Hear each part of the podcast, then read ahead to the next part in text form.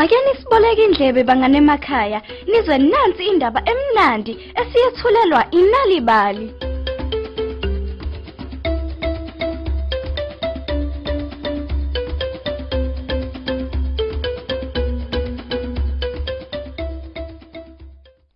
Sanibonani nonke emakhaya. Asinamukele ohlelweni lwethu inalibali.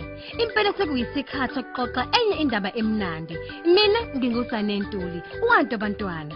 Ake uzinike umzuzwana nje ulalelisise kahle okukuzungezile. Ingabe kukhona okuzwayo? Konke okuzwayo kwenza umsindo.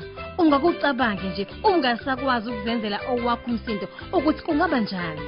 Kwenze kanjalo bandla kukamuzu ihashi. Lalela nansi indaba ukuze uzwe ukuthi kwenzekani kukamuzu. Nalibali. Ezintabeni ezikude empumalanga kwakukhona indawo eyayiyinhle eyayihlala izilwane. Ukamuzu ihashi wayenesili ihashi likade linomsindo ngisho selidla lalizidlela nje ngokukhulu ukuthula. Zonke izilwane kuleyo ndawo zazingabangani babenezindaba eziningi abebekade bezixoxa ndawonye. Kodwa ukamuzu wayenamahloni bandla wayethanda nje ukukhuluma nabo kodwa amazwi ayengaphumi kahle emlonyeni wakhe. Lokhu kwakumenza phela azizwe enomzwangedwa kwathi ke ngelinye ilanga ukamuzu wayefuna ukuthi sowubona kumngani wakhe ubasi imbongolo. ukamuzu wavula umlomo wakhe. Awu akuzange kuze kuphume nelodwa nje igama okwakushoda nje iphimbo lakhe. Kwenzekani? Liyephimbo lami. Ake ngizame futhi. kusho ukamuzu Uthini?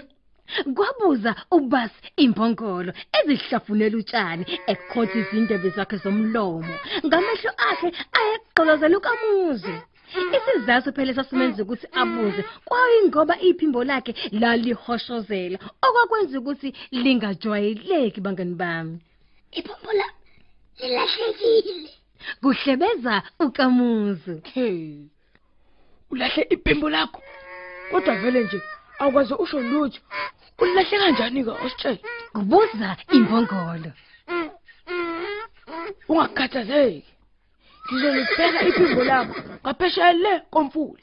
ubasi imbongolo wajokola ebheka emfuleni Hawu, esefikile khona wezwe iphunge limnandi katshani.